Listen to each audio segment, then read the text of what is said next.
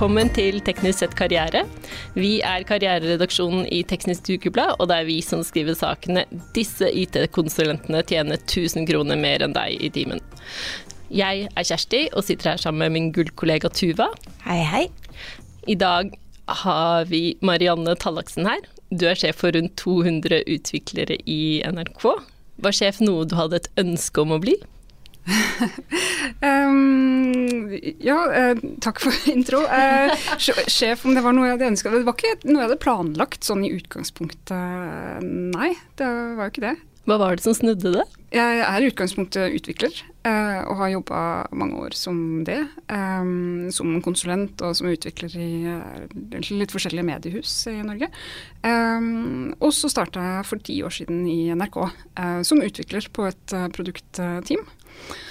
Um, og da var man inne, eller er fortsatt for så vidt, i en periode med vekst. Da. Uh, og det var behov for flere ledere. Og da sa min nåværende leder til meg at uh, hun håpa at jeg ville søke. Uh, og det var jo ikke noe jeg hadde tenkt på sjøl.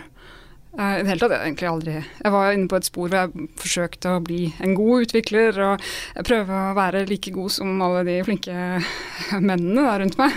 For det var, ikke, det var ikke overvekt av kvinner, uh, verken på mitt team eller i miljøet. Men uh, da hun spurte, eller liksom ja meg den tillitserklæringen og si at jeg tenker meg at du søkte på denne jobben her, så, så er det klart da får du en veldig sånn boost og tenker at jøss. Yes, Tror du jeg kan fylle en sånn rolle i alle dager? Det har jeg aldri tenkt på sjøl. Ja, kanskje det er en mulighet for meg, da. Og da uh, søkte jeg på jobben, og til min store overraskelse så fikk jeg jo den. Um, jeg har jo alltid lurt på hvordan det ville gått hvis jeg ikke hadde tatt den, og kanskje hva jeg drevet med. Hadde jeg gått mer inn i systemarkitektur og liksom fulgt en, en teknisk uh, vei, eller uh, eller ikke. Men jeg er jo utrolig takknemlig for å ha blitt vist den tilliten og fått lov til å, å bli leder da jeg mm. det. Så jeg vil jo ikke akkurat jeg vil ikke kritisere min tidligere leder for å ha gitt meg muligheten. Tvert imot så er jeg jo kjempetakknemlig for det. Men, Men uh, i lys av det så har du sagt at uh, du ønsker at dine kvinnelige utviklere skal få være i fred. Ja. Kan du Eh, altså ikke tilbys lederjobber. Hva mener du med det? Ja, eh, tilby lederjobber. Eh, altså dette handler jo veldig mye om hvordan vi ledere gir tilbakemeldinger til folk, tenker jeg. Eh, mye av hvert fall den type ledelse som jeg driver med, er jo liksom å se folk og potensialet i det, og se hva slags, eh, hva slags evner og interesser er det folk har. Da. Og noen utpeker seg jo på forskjellige måter, og da er det vårt oppdrag å gi den tilbakemeldingen. At, eh, og, og, og, de ordene som du sier som leder, har ganske mye slagkraft. Altså det setter i gang noen prosesser uh, hos deg. Altså hvis jeg sier til deg som medarbeider at um, jeg ser et skikkelig potensial i deg som leder, syns du er ordentlig flink med det, så, ja, så vil du kanskje begynne å se det sjøl også. Uh, og, og, da vil det være lettere for deg å, å velge, velge, en sånn vei, da, etter man har fått en tilbakemelding. Vi, vi, er jo ikke så veldig flinke til å gi hverandre tilbakemelding sånn ellers, så det er jo Jeg må tenke litt på det, at, uh, at, det kan sette i gang noen prosesser hos folk. Ja.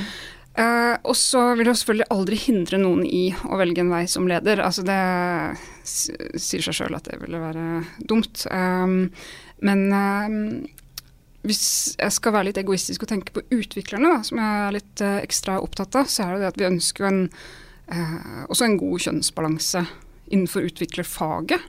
Um, vi vet at det er uh, færre kvinnelige studenter på IT-fagene og ingeniørutdannelsene. Um, og, og, det å um, sørge for at nok kvinner blir i i bransjen, eller i, innenfor utviklerfaget, eller i hvert fall legge til rette for det uh, så godt vi kan, det tenker jeg er viktig. Det er en oppgave for sånne som meg da, å passe på at, uh, at også de får de mulighetene som de uh, trenger for å få en, ha en teknisk karrierevei. Mm. det er også det å se at det er en karrierevei som, som er fin, og som passer og som er utrolig spennende. Det er ikke bare lederjobber som er som er gode, holdt jeg på å si. Men, ja. ja. men eh, for oss som er litt sånn utenfor utviklermiljøet, hva, hva vil en karrierevei i, eh, ta, i NRK i utviklermiljøet der være? Jo, um, den vil nok være ganske De er ganske um, ganske mye likt, tenker jeg, i, i, bransjen. I de store utviklermiljøene så er det jo gjerne sånn at man starter som junior, eller uh, på et juniornivå, og jobber seg opp til å bli mer, en mer senior utvikler. Noen har egne liksom, stillingskategorier og, og, og, sånn for det, men um, om det er en formalisert eller ikke formalisert rolle, det kan jo eh, variere litt. da. Eh, hos oss så bruker vi f.eks. tech-lead som en rolle som eh, en litt senior utvikler på et team. Eh, Hva er en tech-lead? Ja, er, eh, Hos oss er det en teamfunksjon. Um, hvor det gjerne da er en senior utvikler eh, som på en måte har det tekniske ansvaret for kvaliteten på det som teamet produserer. Eh, så den eh, har gjerne eh, en veldig sånn sentral rolle i teamet og er teamleders høyre hånd. Da. Altså ikke alle teamledere har bakgrunn som, som utviklere, de trenger ofte en, en, god rådgiver da, og en partner i teamet sitt. og de kan ha litt forskjellig type ansvar, men er liksom, da er man mer på den tekniske sida og kvalitet på, på leveransene. Mm. Hvordan er kjønnsfordelingen innenfor de ulike rollene hos deg, innenfor eh, både på ledernivå og på den tekniske siden? Ja, um, på, som på NRK NRK er veldig gode på, på kjønnsbalanse på ledernivå. Um, og så jobber man jo i uh, si, kryssfunksjonelle team som er satt sammen av mange mange forskjellige disipliner, hvor du har design og, og, eh, drift og utvikling og sånn. og Summen av de er ofte nokså bra balansert, altså er 50-50 sånn cirka i teamene. Eh, og veldig mange kvinnelige teamledere. Der har vi faktisk, der liksom bikka over til å eh, Det har vært perioder hvor det har vært vanskelig å få tak i mannlige teamledere, faktisk. Så det er litt noen sånne dynamikker som bygger seg opp, da. Men eh, vi har eh, 20% ish eller noe sånt nå på eh, kvinnelige utviklere. Og vi har flere eh, dyktige senior, eh, seniorutviklere eh, som er kvinner og tech-leader. Så det er størst mangelvare på kvinner eh, blant utviklerne?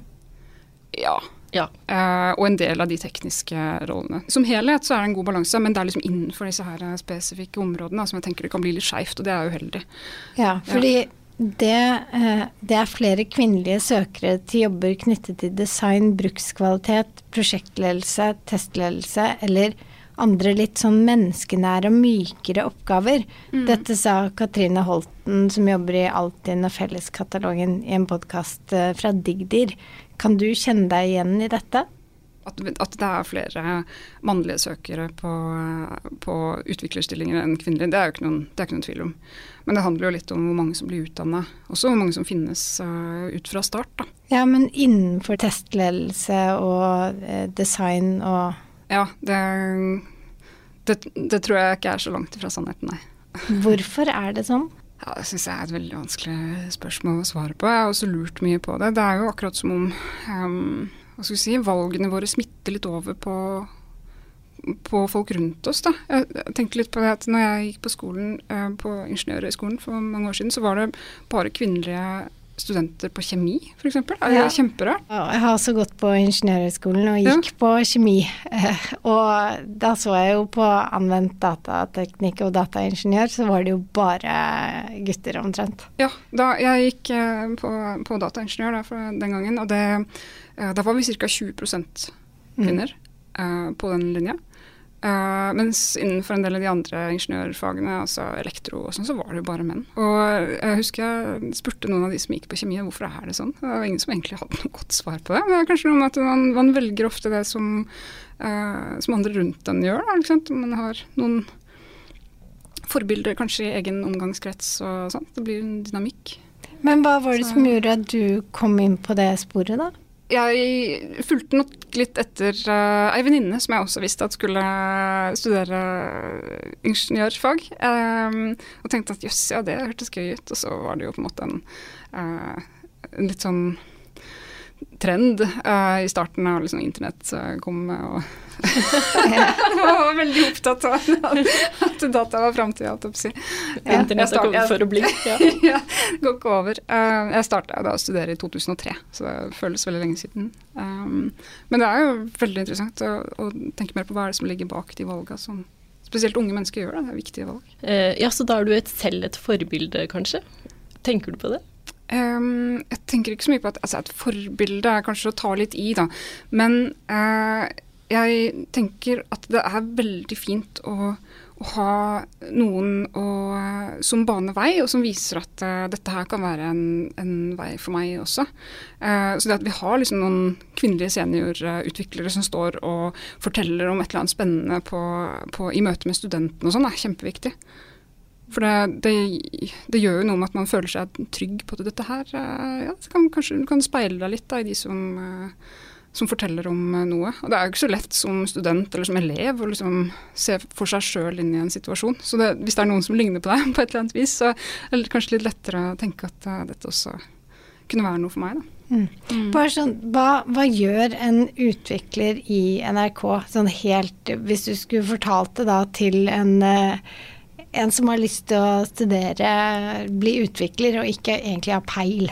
Kan du gi et eksempel på hva de gjør, de gjør så mye. Um, må, man må jo uh, nok fortelle litt om hva utvikling er, og at uh, altså, selve liksom, faget da, med å, å, kode og uh, den tekniske jobben er jo en del av det, men jeg kan jo fortelle noe om hva, um, hva slags type jobber man kan få som ja. utvikler. Um, og NRK er jo eh, har veldig mange team, veldig mange oppgaver eh, og sånn. En del av tingene er veldig eh, synlige for folk, og, og, produkter og ting som Eh, som folk bruker hver dag. Forsiden til NRK.no-type? Ja, ja, NRK.no. Eh, et stort team som jobber der. Mange utviklere som er involvert både i liksom helt sånn redaksjonelle saker og jobber med innsikt og analyse og, eh, og sånn, men også det å lage forsida, lage artiklene og sånn.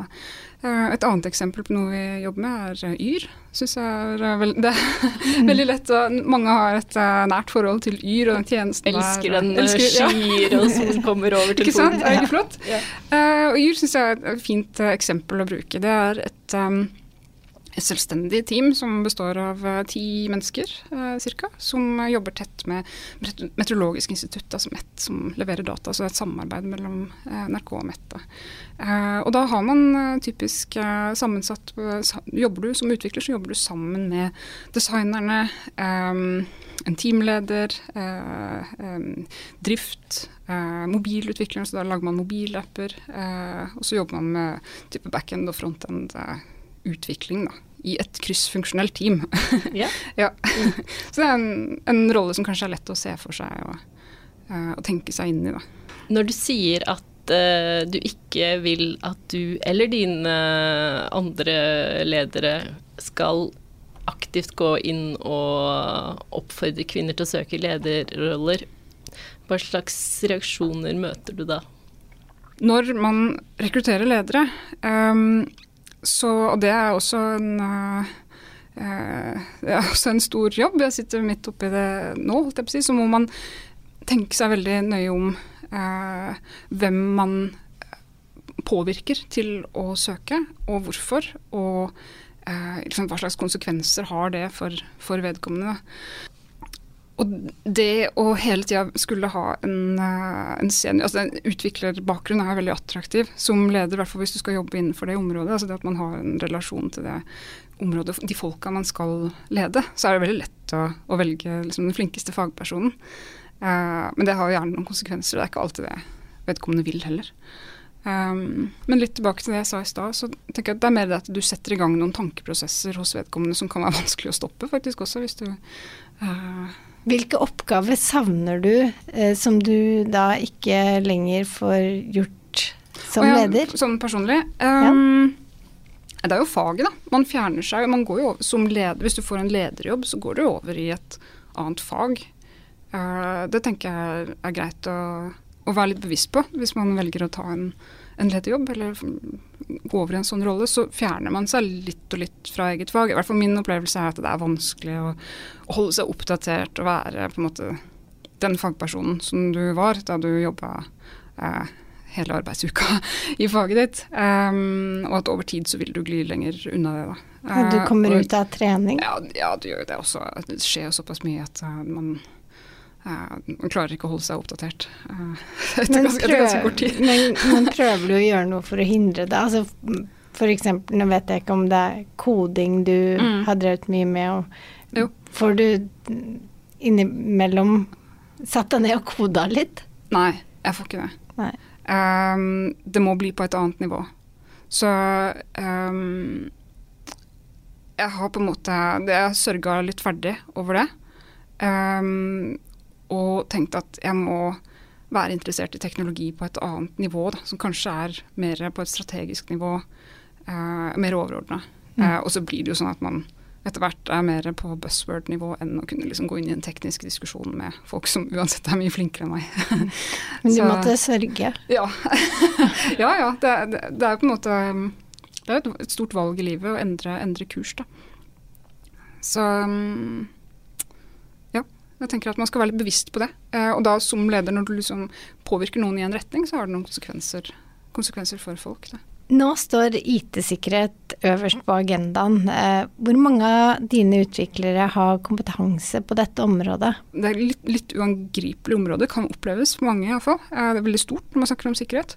Så jeg er litt opptatt av at vi bryter ned noe som er hakket nærmere. altså Både liksom på en liksom overordna nivå, være bevisste på hva slags type trusler er det vi er utsatt for? Hva er det vi er redde for? Um, i NRK så er jeg jo, i likhet med alle andre medier, jeg er veldig redde for å få kompromittert innholdet sitt. ikke sant? At, uh, at, man ikke skal kunne stole på oss som avsender. Så det er kjempe, kjempeviktig å, uh, å være bevisst på det. Uh, det er jo uh, vært ganske sånn skremmende saker de siste tida, må jo si det. Jeg har stor medfølelse for folk i media og i Choice og, og sånt som har opplevd dette her på nært hold. Um, så vi er veldig bevisst på det.